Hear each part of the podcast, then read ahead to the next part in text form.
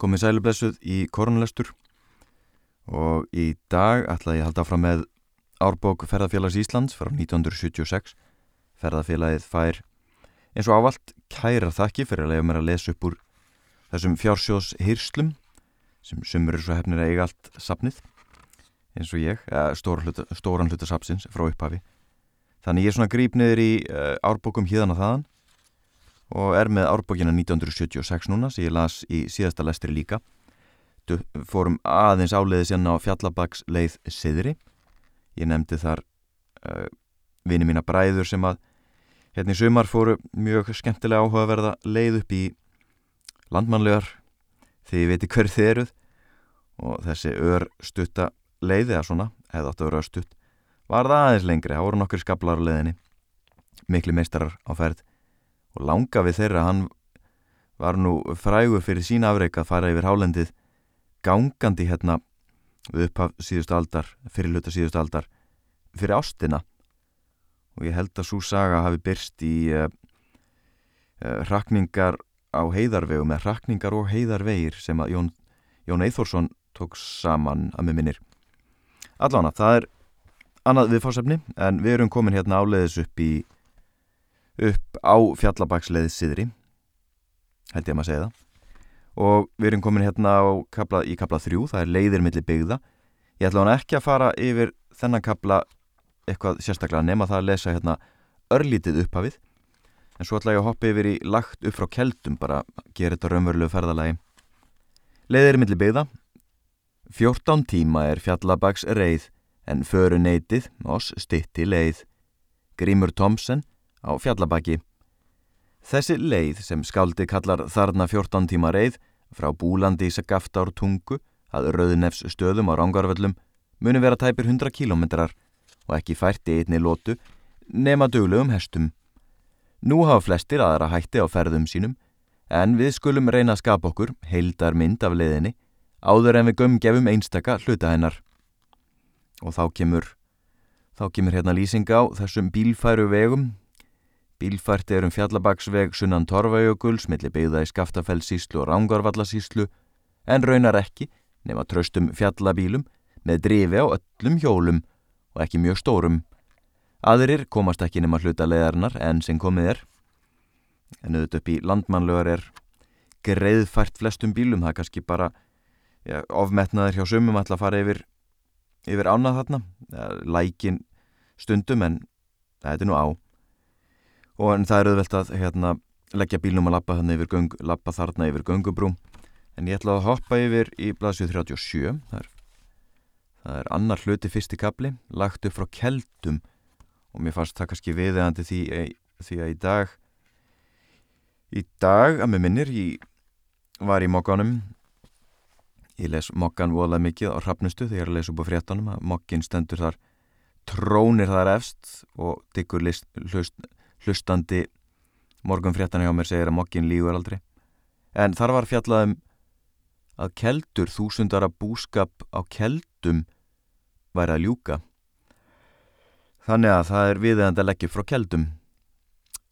Skamt vestan við keldur á sandorpnu rauninu um 19 km frá hellum eða 114 km frá Reykjavík eru vegamót. Liggur þar vegur á vinstri hönd þeim sem kemur frá hellu og austur með sandgraslu gerðingu stefnir nánast í austur í stefnu á Tindfjallajökul má heita að hér hefjist örafa ferðin. Vegurinn inn á örafi er hér svo litið niður grafin í raunnið en má þó teljast all góður. Engin hætta er á bleitum á rauninu en hins vegar eiga raun nippur til að narta óþyrmilega í hjólbarða. Leiðin liggur skamt frá garði á keldum og bráðlega upp brekku ekki mikla. Áður en upp er haldið ættum við að skema til norðausturs, framundan til vinstri. Þar sjáum við inn all mikinn sandorpin dal. Innst í dalnum er svo litið gil og kallast nú sandgilja. Það er sá staður sem í njálu nefnist sandgil, þar sem Egil Kolsson bjó og austmaðurinn fýblaði heimasætuna. Þar hefur verið fagurt og búsældarlegt að líta, inn eftir, meðan land allt var gróið og kvorki hrjáði ofbeitt öskufall nýja sandfók. Undarfarna áratugi hafa menn þó reynd að snúa vörn lífsins í sókn gegn sandinum. Draum sín skaldana er tekin að rætast, sandarnir teknir að gróa upp. En lítum á hvað Vigfús fræði maður, Guðmundsson, 1868-1952, fættur og uppalinn á Keldum, segir í bóksinni, Keldum á Rángarvöllum, útgefin 1949, blasja 13, um gildru hóls raun hjá Keldum. Raun þetta liggur fyrir norðan Keldur og til norðausturs, langleðis inn að Sandgili fórna og er meginkapli þess hlutarhaunsins yfir slettaður af möl, vikri og sandi sem lækur eða á er Sandgilja hétt hefur róta þar yfir.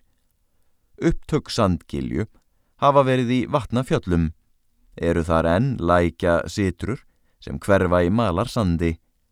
Vatsfall þetta hefur þverrað jafnframt aðleikjandi skóum og graslendi og ef til vill horfið alveg í land skjálta. En farvegurinn segir vel sína rauna sögu, alla leiðniður í austurbotna kelnalækjar, sömstaðar með djúbum giljum og mjög vassnúnum klettum, en fullum af sandi og á öðrum stöðum. Þegar á vetrum kemur asa leysing á frosna jörð, kemur gamla fjörið í sandgilju. Getur hún þá orðið flug mikil, því að aðdraðandi er mjög viðlendur. Rótar hún þá sandi úr farvegi, svo tæri bæjarlækurinn verður eins og forar vilpa. Við höldum fyrirgreindan veg fram hjá keldum, austur raunið og upp nokkuð háa raunbrún. Þegar upp á brekkuna kemur, víkar útsýnið, engarlega til norðurs, en skamt framundan til hægri er eistri rángá. Rauntangin sem þarna verður millir sandgilju á vinstur hönd og eistri rángár nefnist Vallnatangi. Knafa og hólar þar sem þeir sátu þrátjú saman fyrir gunnar á hlýðaranda, hirti og kolskeggi bræðrum hans, eru um þrjá kílometra austanhalt við rétt norður frá keldum og sjást vel að vallna tanga. Þó getur verið örðugt fyrir ókunna að koma auga á þá því að hólarnir í rauninu eru margir. Af brún vallna tanga, þar sem vegurinn likur upp, ber tvo þessara hóla nyrst í höfða í Árnes síslu, en högnöfði er nyrstur útfjallana eins og fjallin vestan við Suðurlandsundilendi kallast hér. Meðal kunnura ganga knafa hólar, nú undir nafninu knæfhólar. Þegar austar dregur á vallna tanga verður fyrir dalitið gróður lendi, austur heiðin og kemur þar að eistri rángá. Vegurinn liggur beinti fyrir ána á brú og um grösuga haga hinum eina ár og að bænum reynifelli, síðan áframilli þrýirnings og Vastals fjalls, niður að Vastal í fljótslíð. Sá vegur er þó ekki fær hvaða bíl sem er. Ég verð að senda kveðju austur því að vini mínir eru með sumarbústað akkurat á þessum slóðum og ég hef verið svo heppin að koma til þeirra í sumar og átt indislega daga á göngutúra bæði með barnavagn þar sem þau hafa verið með dóttur sína þarna og svo höfum við farað á fjallahjólum hérna upp yfir og þetta er indislegt, indislegt svæði en gerir alveg bálkvast á veturna. Og Reynifell var í uh, var í, hvað segir maður var í rekstri, var í í bygg, neði, hvað segir maður aftur, þegar þegar bæir eru í byggð, nei. Svo það var ekki búið að breyða búi þarna fyrir einhver tíman já, sent á síðustu öld. Og lífsbaratan þarna hefur verið ansi ansi hörð held ég þegar maður litast þarna um. En söðfjör hargert og kemst af með ansi lítið oft á tíðum. En sá sem allar sér bílvegin inn á laufa leitir fer ekki yfir ána heldur begir til vinstri inn með áni og kemur þar strax að Gunnarsteini sérkennilegum stórum kletti nær alveg við ána ármein vegarins Munmæli hermað, þar hafi þeir gunnar varist eftir fyrirsátið við knafahóla. Þar hefur þá hjörtur bróðir hans fallið og gunnar kasta agli í sandgili af atgernum út í ána. Mótsvið Gunnarstein, innan gerðingar í 200-300 metra fjarlægð, fannst kuml, dís með forðingreipum, í rauninu og var talin staðfesta sögnina um fund þeirra Gunnars þar. Við mata á þessari frásögnin jálu og sögninni verður að taka tillit til þess að jarveg hefur blásið af hrauninu á þessum slóðum. Vegurinn liggur nú aftur upp á hraunhæð allmikla og heitir hún Árholt. Hérðan er viðsýnt, útfjöllin, sjást betur en áður, einnig skarðsfjall á landi, búrfell í þjósardal, bjólfell, selsundsfjall og geldingafjall og trippafjall fer að bera við loft. Hérðan sér vel til knafahóla í norðvestri sem rángvellingar kalla vestur í fjögura kilometra fjarlægð og er auðveldar að greina þá hérðan en að vallna tanga. Framundan er eigðibílið Árbær sem stóð niður yfir Rángá, laðist í eigði 1899 og heitir hér Árbæjar Raun en Árbæjar heiði næst Árbæ neða með hann. Vegurinn liggur skamt frá túngarðinum um brekku sem heitir Múli, Árbæjar Múli, þegar upp er komið. Hér borgar sig að nema staðar og skoða sig um. Til hægri, í söð-söðaustri, hérðan af Árbæjar Múla, en í stefnu vestanhalt við söður frá Fossbænum, blasir við þjófa Foss í þjófá, norðan undir þrýrningi, hún fellur niður í Rángá.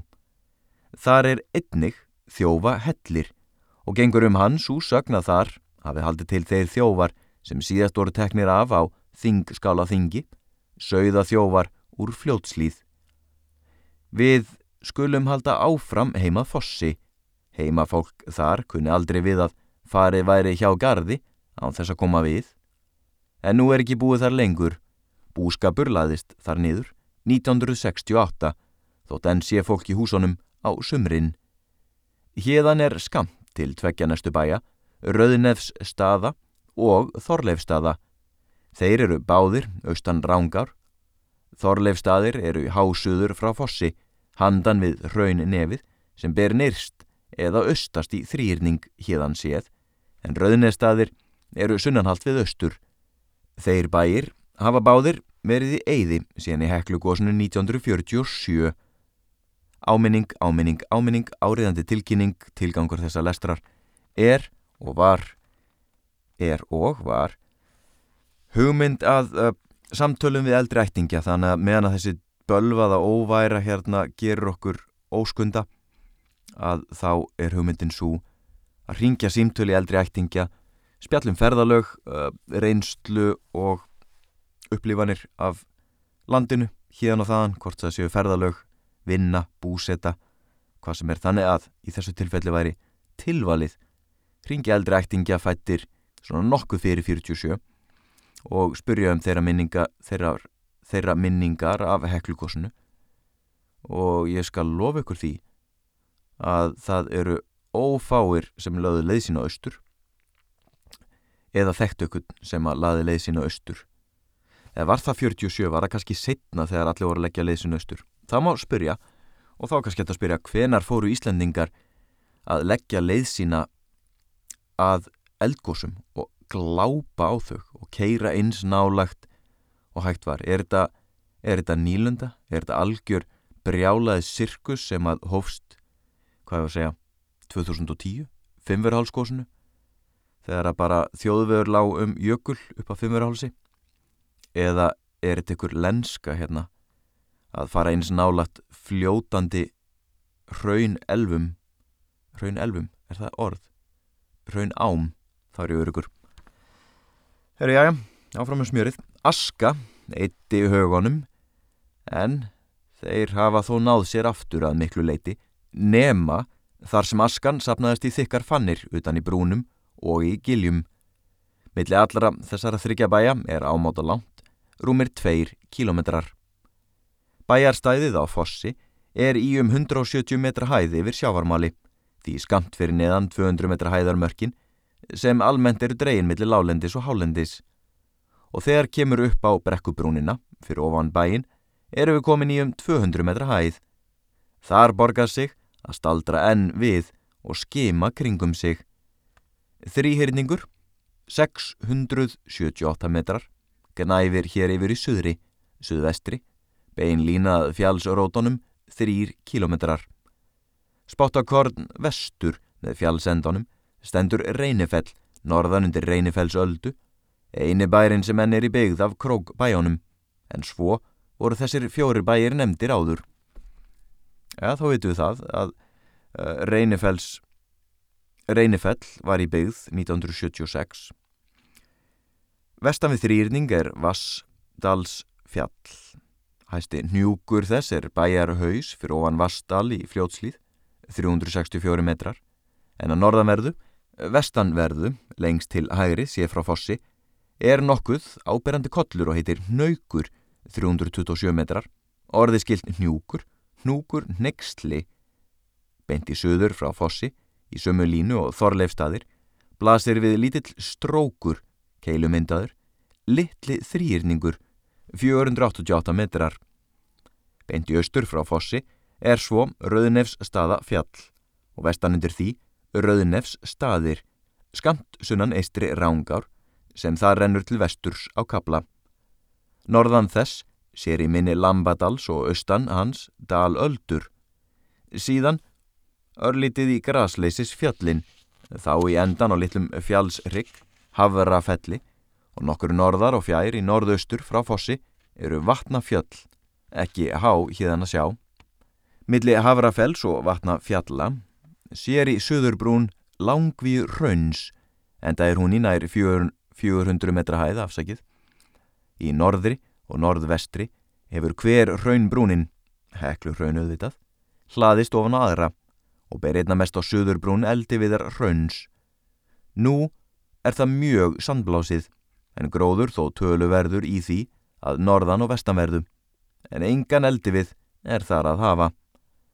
Í norður átt frá fossi er einnig skós alda, all mikil alda, úti í rauninu.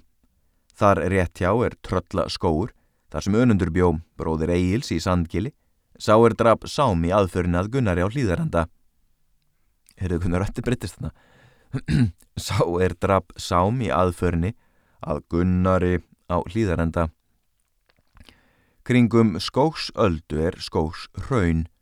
Ör nefni að þessu tægi, beina huganum að gróður fari hér fyrrum, en auk þess má það verða til nokkurar umhugsunar og skilnings að til þessa hefur vegurinn leið á mörgum sanda og gróðurs. Á hægri hönd hafa verið gróskumiklar gróður torfur, niður á rángá, allt frá því fyrir neðan árbæ, árbæja heiði, árbæjar heiði, en á vinstru hönd svart raun, sandfyllt og víða möllu gróður löst. Í norðaustri, rétt við vatnafjöll, sér á tinda eklu. Bittu nú við í norðaustri. Á. Eitthvað mér held ég að þegar maður staðið þarna á þessum slóðum þá væri það bara beint í norður, ja, jafnvel norðvestur, ég get svo svarið það. Er ég svona áttavildur þarna? Því að ef maður stendur við uh, keldur, keld, já keldur, þá horfum allir norðvestur sjátt að heklu, er það ekki? Norðaustur, já. Fróðari menn en ég geta kannski leiðritni þarna eða staðfest en ég er kannski smá áttaviltur á því hvar við stöndum í frásögninni. Framöndan eru fosshagarnir gróið land og jarðvegs auðugt. Þótt víða standi raunhólar og stakki steinar upp úr. Og víða hefur sandurinn gengið á það. Nokkuð framarlega í högunum likur gamle bílvegurinn upp klifeitt og eru þar tóftir af gamlu fjárhúsi upp á grasbrekku norðan vegarins heitir þar húsa nef. Gamle bílvörun likur eins og reyðgöturnar, raunar eftir þeim, um haglendið, en til að forðast jarðvegs skemdir var rutt fyrir nýjum vegi út í úpnu rauninu, vestan við haglendið. Þau vegamót eru neðan við árbæjar heiðina fyrir neðan árbæ, en vegur þessi er enn lít fær, brattar og grítarbrekkur í raunflákanum. Vegirnir mætast þar sem heitir raun háls, sem næst við enda Hafrafells 542 metrar en á það stefna báður veginnir á kabla. Milli vegana þar sem þeir mætast þarna er lág hæðar bunga. Hún heitir svo virðulu nafni sem Selfjall og er þó bara grá sandalda nú en neðan undir henni er grasivaksin flöt, Selflöt. Þetta bendir til horfina atvinna hátta meðan haft var í Seli á sumrum og hér var gróður landi og hér var gróður landi allt um kring aðtiklisvert orðalag afsækið þessar innsetningar einskot mín hérna. Og enn og aftur ringi eldri ættingi að spyrja um það uh, hvaða þýðir að vera í seli, liggi í seli. Haldið sel næ, betur við selflum já, haft var í seli. Spurning það, þá maður læra fræðast ímislegt um uh, hortna búskaparhætti kannski.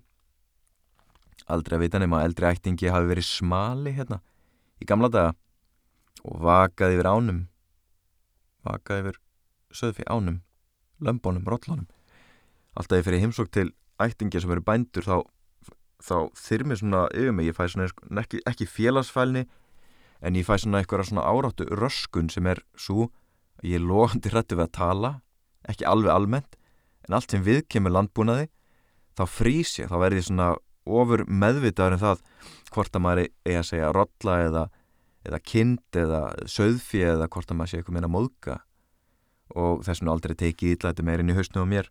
En mér finnst eitthvað með ámælisvert að ég skul ekki vera betur að mér í svona uh, landbúnar orðaforða ég les kannski, kannski ekki bændablaði nú mikið oft þó ég glukkin oft í það.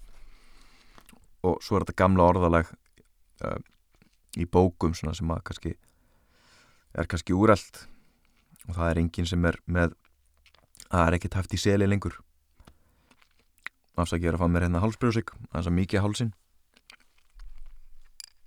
við erum komið 22 mindur og við erum ekki enþá komin upp á hálendið við erum rétt svona á barmi hálendisins sem að samkvæmt þessu er við 200 metra hæðarlínuna. Var það ekki, var það ekki sagt innan 200 já, 200 metra hæðamörkin sem almennt eru dreygin millir láðendis og hálendis. Ég var að spýta aðeins í ekki lóanæðinu aðeins að svona sprett úr spori. Við skulum við skulum fara bara nokkra blaðsjur fram og nokkra kílometra innar, inn á hálendið. Vatnafjöll. Menn hafa verið að velta fyrir sér heitinu Vatnafjöll, þetta er alltaf svipum, svipum slóðum. Því að Vötn eru engin, þarna og stóru svæði og raunin ekki þess legað þar geti staðið upp í stöðuvötn. Þó mun svo hafa verið fyrrum. Leifar síðasta vatsins voru í kríka vestan í vatnafjöllum, skamt innan við kallana. Það mun hafa horfið með öllu í heklugósinu 1947, en önnur voru horfin áður. Þar kom líka upp á, sem rann eftir sandgilju, samanberi orð Vigfúsar Guðmundssonar upphafið þessa kabla. Allt þetta svæði, millir Selsunds fjalls og vatna fjalla, er afréttarland rángvellinga. Vestur hraun heita millir Selsunds fjalls og Geldinga fjalla, en austur hraunin eru millir Geldinga fjalla og vatna fjalla. Sérstök fjall skil eru gerði í hraunin og þau kvorum sig smöluð á einum degi. Þau heyra þó ekki til laufa leitum og er ekki heldur ferðamanna leið. Engu hjóla tæki fær nema þar sem sandurinn er mestur eða á harð frósinni jörð, enda víða íllfært eða ófært með hesta. Þeim verður því ekki líst hér frekar. Annar hluti, uh, annar kapli annar hluti, Raun Kvistlin. Haftir eftir einari Benediktsinni sem var síslumaður Rángár Þings 1904 til 1907 og bjó á Stórahofi á Rángárvöllum að tvent þyrtið að gera til að bjarga rángarvöllum undan norðan áttinni og væri það raunar ekki nema verkefni fyrir meðal bonda. Annað væri að hlaða í eistri rángá og veita henn út á raunnið til þess að vernda gróður svæðin gegn sandfóki. Hitt væri að hlaða í skarðið milli heklu og búrfells til að norðanáttin erði vægari. Ekki voru þó gerða tilraunir í þá átt að sinni. Síðan liðu áratugir og allt til 1965 að búnaðarfélag Repsins samþykti samhljóða svofelda tillögu frá Otti Ottsinni og heiði. Aðalfundur búnaðarfélags Rangarvalla Reps 25. apríl 1965 haldina strönd skorar á sandgræslustjóra að hann beiti sér fyrir því að aðtugaður verði möguleikar á því að Ístri Rángá verði veitt vestur yfir langvíu raun með uppgræslu fyrir augum. sandgræslu stjóri, sem þá var Pall Svensson, tók rösklega á málunu, svo aðrir aðilar sem það snerti. Framkvæmdir hófust svo á vegum landgræslunar. Stiblan var gerði rángá framann til við miðjar dala öldur, dala öldur afsakið, skamt fyrir innan litlu blesamýri, en þar var graslendi upp á brún þeirra og fór alveg öðn í gósinu 1947. Landgræðslan sá um framkvæmt verksins. Verkfræðingur var Stengrimur Arason frá Grítubakka í höfðakverfi. Steift var stibla í ána, gerður gardur, varla yfir 100 metra langur og nokkrar minniháttar lagfæringar til að nýja kvíslinn fær ekki strax niður í raunnið, undir stípluna og út í árfarvegin aftur. Þessi staður var valinn meðal annars með tilliti til þess að þarna hafði áinn stundum stíplast í stórriðum og flætt vestur á raunnið. Nokkrar fleiri tilfæringar þurfti til að koma kvíslinni þangað sem henni var ætlað að fara og likur bílvegur nú á um 600 metra kabla á gardi við vaðið á einu hlæðslunni sem þurft að gera í rauninu. Þetta vað er tæpa 20 kílometra frá vegamótonum við keldur. Kvíslinni var veikt vestur í gráfellskil og eftir því söður á sandsléttuna fyrir vestan. Þegar nýja kvíslinn fór að bera undir sig og smá þétta botnin, tegði hún sér lengra og lengra út á raunnið og tók sérna að renna niður í sandgilju fyrir ofan keldur. Þar var síðan hlaðið fyrir hanna árið 1972 og vatninu beint lengra út á raunnið, þannig að ef þessu heldur áfram, ætti hún að geta komið niður hjá reyðarvatni þegar hún er búin að bera undir sig og þjapa botnin. Nú er komin töluverður gróður með fram kvíslinni, grastopparnir miklu gróskum er en áður, því að þarna hefur sand jarðvegurinn fengið þann raka sem hann þurfti til að gróður þrifist í ánum. Jarðvatnið hækkar í grend við anna. Ekki hefur kvísl þessari verið gefið neitt fast nafn. Hún gengur manna á meðal, helst undir nafninu nýja áin eða áveitu áin, en heiti eins og raun kvísl væri við hæfi. Vassföll á örafum nefna rángvætlingar kvíslar en ekki ár. Takk eftir leðsögumenn sem að nú auðvitað vonandi nýta tíman til fróðleiks og fræðslu og ferðalaga meðan að engin er túrismin. Ég segi nú bara hang in there everybody og takk eftir rángvætlingar kalla ár kvíslar en ekki ár eða kalla kvíslar kvíslar það er ekki að segja það er kalli ár kvíslar því að þeirra, þeirra huga eru kvíslar ár en ekki ár ár. Ár og aldrei líða. Og ekki eru all vittlesan eins áfram með smerið Vafa löst væri öðruvísi umhors á rángarvöllum núna ef raun kvíslin hefði alltaf verið frá því byggð hófst þar. Allir gróður blettir sem staðið hafa af sér sandfókið í þessari sveit eru í skjóli við læki sem renna frá norðaustri til suðvesturs eða króka af rangánum. Nær allt annað land er blásið upp. Bæir hafa lagst í eyði eða verið fluttir, sem er aftur og aftur. Til að mynda er vitað að bærin á heiði stendur núna á fymta staðnum, út við yttir rángá. Hefur fjórum sinnum verið færður á flótta undan sandfókinu. Gömlu bæjarstæðin eru sandblásinn. Þetta er heitlandi. Þetta er, svo, þetta er svo fallegt, þetta er svo ótrúlegt hvað gerist ykkur með þegar maður veit aðeins meira um já, tilurð ástands og forsögu og hefur bara dýbri insinn í landslægi kringu sig. Maður getur gengið um þetta svæði og keirt og hjólað og ekki haft, eitthvað meðan ekki haft þetta samengi. Þetta samengi sem fælst í því að segja þær að, að, að sandfók er óvinnur númer eitt og við vitum það að heklu skóar uh, voru tilraun landgræsluverkefni til þess að reyna að hefta áhrif sand, sandfóks. Við vitum svona ákveðna hluti en það er í svona fróðuleik, svona ítalöfum fróðuleik eins og í árbókum ferðarfélags Íslands og ímsum góðum reytum þar sem maður eitthvað með einn svona fær þessa hildar mynd og það er áhugavert að pæli svona hugmyndunum hugmyndum uh, varandi svona verkfræðilegar lausnir á náttúrulegum vandamálum. Sumi myndu segja, já, náttúran sigur alltaf, við höfum ekkert að vera að hrópla við henni.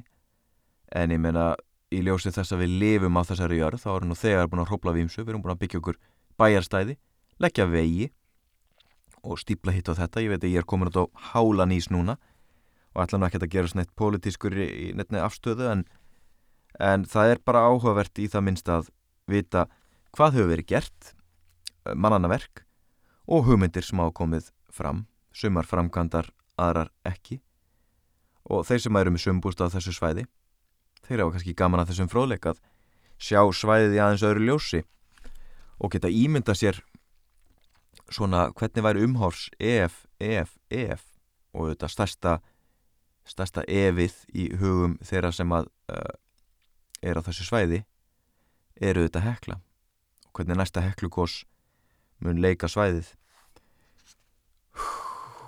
anda djúft ná andanum halda takt í lestri.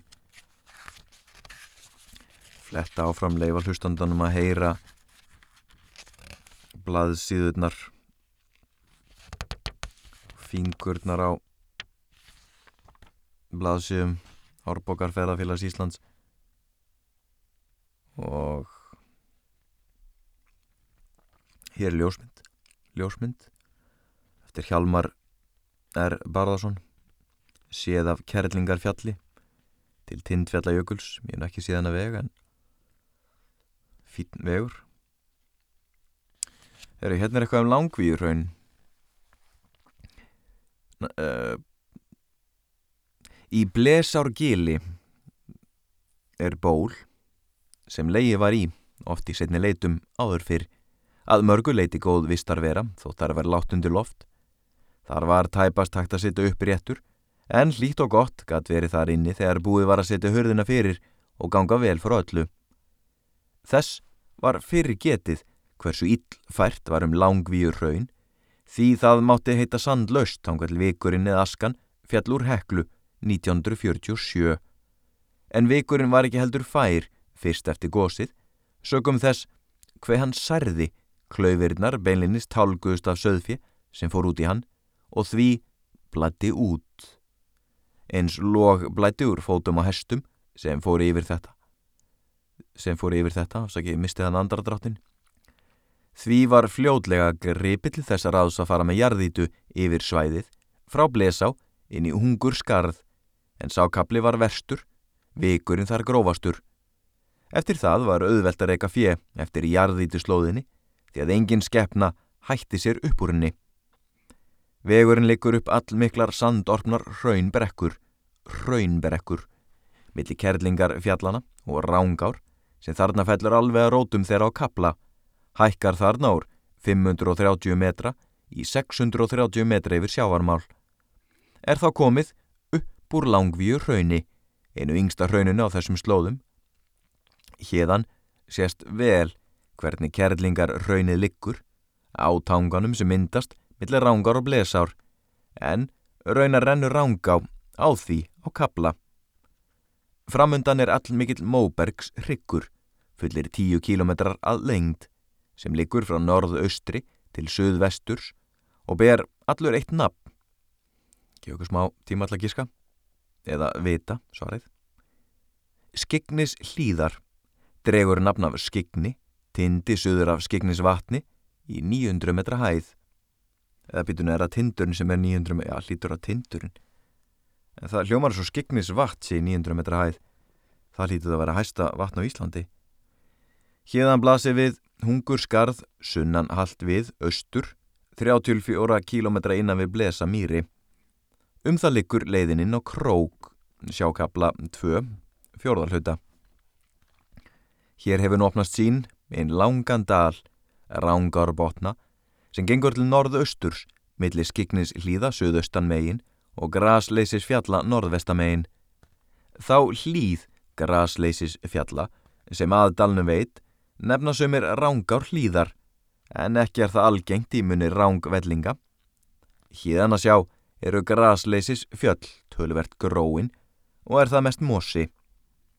Dalurinn sjálfur er í um 600 metra hæð en fjöllin á báðar hendur tegja sér 200-300 metra yfir hann. Allt er þetta svæði meir og minna þakið svartri eldfjalla ösku en það skamt að leita upptakana gígaraðirnar, vestan við laufa fell, söður á skiknis hlýðar. Nokkrar mosa og gras teyingar eru þó þarna í rángar botnum, engum með fram anni, lífið er að ná sér aftur á stryk. Fallit orð, uh, gras teyingar, mosa og gras teyingar. Vegurinn liggur nú inn rángar botna, það er í norðaustur inn til fjalla. Hesta leiðin lág fyrir heldur nær skegnis hlýðum en bílvörn er nú.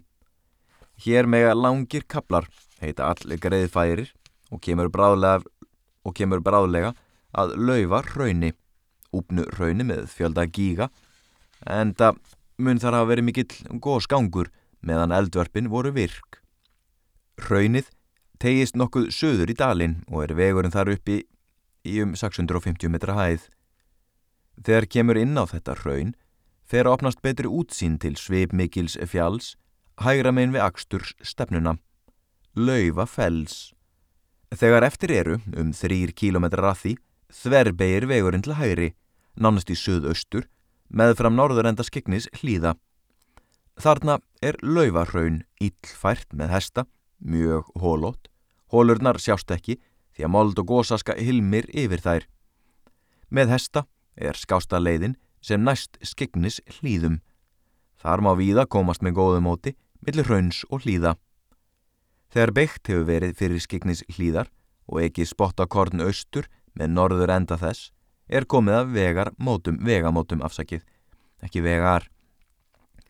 Þar likur vegur til hægri, vel fær öllum fjallabílum, sem staðar svo liti brattur, upp á fjallið að stöðu vatni sem er þar norðarlega á fjallinu í nær 680 metra, 680 metra hæð móts við upptök eistri rángar móts við vatn þetta er ímist nefnt skignisvatn eða skignishlýða vatn. Þorvaldur Tórótsen kallar það græna vatn en það nafn kannast rángvellingar ekki við nú Dalur sá í fjallið sem vatnið stendur í er hluti mikillar gíga raðar sem næri inn með laufafelli að vestan svo sem umgetur í fyrsta kabla. Á gós sprungunni eru nokkri fallegir gígar norðan í skegnis hlýðum, austan við brautina þar sem hún liggur úr laufa hraunu upp á fjallið. Dalur þessi er einn samfeldur geysi mikill sprengi gígur, einir þrýr kílometrar á lengt. Er vatnið í honum auðsjánlega misstort eftir árferði Sunna við dalinn, miðjan, ganga bergtangar fram í vatnið, begja vegna frá og skipta því næri tvent. Uppi á skegnis hlýðum, vestan við vatnið, er sama bergtegund og í hrygnum, vestan við laufafell, ísúrt hraun sem jarfræðingar kalla andesít með ljósleitumögnum, ólefin, plagioklas, ágitt. En í austur bakka vatsins er mikill, rauður, gígur bæta hérna bara rétt við, illgengt er eða ófært víða með fram vatninu að vestanverðu, bratar klappir út í það og að fóta sig á berginu en auðgengt austan þess. Það, það er mikill fróðleikur hérna fyrir þá sem ætla sér í göngutúra, gönguferðir, hálendisferðir. Hálendiður upp á Martabjóða og ég á algjörlega eftir að uh, skoða mig betur um. Ég farið upp í landmannlögar gengi laugavegin nokkur svonum já, svona eitthvað í kringum heklu og maður er algjör ég hef kert kjöl og farið upp í uh, upp í stóluð um mér. Kjærlingafjall, hvernig læti ég? Tviðsvar þannig ég er nú ekki mikil hálendis fari en þá gríp hérna niður bara svona hips, hips og haps. Hips og haps. Núna fyrir að reyðskoða sjálf mig. Er hips og haps orð? Orðað tiltæki hipsum og hapsum. Oi oi oi. Allavega þannig er engin málfars ráðunutur yfir mig. Hérna, ég er algjörlega órýtskoðar þannig að ég bara leifi sömri vittleysunni að fljóta. En það er engin vittleysa hérna í Árbók ferðarfélags Íslands frá 1976 sem segir Eflaust geta jarfræðingar skorið úr því Hvort laufafell er í raun gammal stapi sem gós stöðvarnar vestan við það hefðu slett rauni upp á við fyrstu gósrinuna en svip mikið er það og nýtið sín þó enn betur en það væri ekki svona rækilega aðkreft á tvær hliðar að sunnan og austan.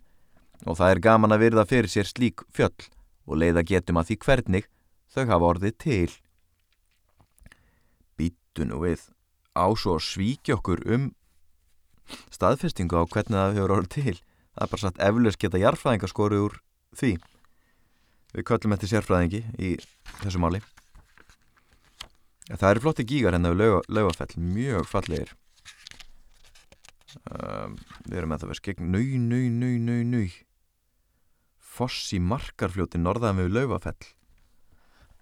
Þennan foss hef ég ekki séð. Svakalega flottur. Og það sem er flottast við hann, það er ekki bara fossin, hann er svona, hann er pínu gullfosslegur. Heldur er það grjóti sem liggur vinstramegin við fossin hann er svolítið eins og halfur skóafoss minnir svolítið á skóafoss og svo eru bara þvílíkir grjót hnullungar, þetta er ljósmynd eftir Pál Jónsson og ég ætla að sjá hvort að ég finni eitthvað um þennan foss hérna á blaðsvinni sem við erum fara að lesa Sunna við laugafell sérst í hagafell skamt austan við norður enda skignis hlýða auðþekt á því að það er slettað ofan Í svipaða stefnu eru faksi, sáta og í góðu skegni á að sjást enda í Mýrdarsjökli í 25 km fjarlægð. Millir skegnis höfða og vatnafjalla sér niður í rángar botna og niður á flatlendi rángarvalla. Frá vinstri kemur blöyta kvísl vestan undan rauð fossafjöllum, austan verðum, fellur hér austur í markar fljót. Á tanganum þar sem blöyta kvísl fellur í fljótið hefur verið reist sæluhús sunnan ármótana um 24 fermetra að starð með háu risi og hitað upp með hitu vatni úr hver niður yfir blöytu kvísl. Húsi stendur í um 750 metra hæð og er vatnið leitt upp all háa brekku. Húsið var reist og hitaveitna gerða á kostnað formans flugbjörgunar sveitarinnar á hellu en ómeitanlegt að hafa þarna húsaskjól þegar við liggur spurning hvort að þetta sæluhús standið þarna ennþá. Ringið einhvern, eldri ættingja sem þið þekkið sem hefur búið á þessu svæði eða var í flugbjörgunarsveitinni á hellu. Markar fljót er hér vasslítið nema í leysingum, oft ekki meir en þokkalegur bæjarlækur. Efstu upptök þess eru sunnanundir jöklunum í raptinu skeri. Þar fellur það fyrst til norðurs, síðan vestur Reykjadali norðan við Hraptinu Raun, síðan suðaustur millir Ljósártungna og Lauvafells, þá suður yfir Rángarvall afrétt, svo sem lístir í kabla 2, 5. hluta, síðan afréttar mörgum, kvól reppinga og fljóts hlýðinga og niður á sléttlendið vestan við Þósmörg og þá til sjávar. Hér á afréttunum er það oftast kallað fljótið, en markar fljót er það oftar kallað fljótið en markar fljót. Víða hefur það grafið sér hrikalig ljúfur en það ber það svörfunar efnið með sér þar sem er bergmilsna og sandagnir sem skriðjöklar og það sjálft hafa sorfið úr jarð lögunum. Þessar hörðu agnir verka eins og þjöl á bergið. Þrátt fyrir þessa miklu svörfun, eða ef til vill einmitt vegna þess, hver hún jafnar allan farveg, er aðeins einn foss á allri leiðinni. Hann er hér, norðan undir laufafelli, rétt þar sem fljótið fyrir að sveia austur með því. Þessi foss er nafnlaus. Ráðgáta hérna. Þá spurningin er búið að gefa hann nafn. Þetta er 1976 skrifað í Árbókferðarfélags Íslands. Myndin er teitluð Foss í markarfljóti en hann er hér saður nafnlaus. Þannig er þetta ekki bara ágætlega enda þetta 46 mínútur að lestri að hér um bil 44, 45 og við endum þetta bara þessu nafnlaus foss í markar fljóti það má ringi eldri ektingi á spjallum fossa það má spjallum uh, afstöðu kynsluðana til fossa virkjana til dæmis. Passa ykkur að fara ekki út á hálan ís með það það getur hugmyndafræðileg bara það sem hefur leitt til ófara rifrilda. En uh, akkur ekki að nýta tækifærið og ringi eldri ættingja og spjalla um spjalla um fjallabaks siðri, landmannlaugar, markarfljót, afrétti, smalamennsku, rángvellinga, eh, Einar Benediktsson, síslumann hér um slóðir 1904-1907 og svo frammeðis og svo frammeðis en einna helst auðvitað The Conversation Starter auðveldasta umræðefni heimeit er svo komið fermingar fermingar veistlu og tala um hruni hérna árum aður, ég mandi því ára ófáar fermingaveistlunar og, og fjölskyldu bóð þar sem að hruni var eitt í þaula en akkur ekki bara hefja samtæli á heklugósum ringi af og ömmu. Heklugós 1947 1900, svo manni ekki hinn ártölin 2000 árið 2000 var allavega neitt og 1990 minnum mig.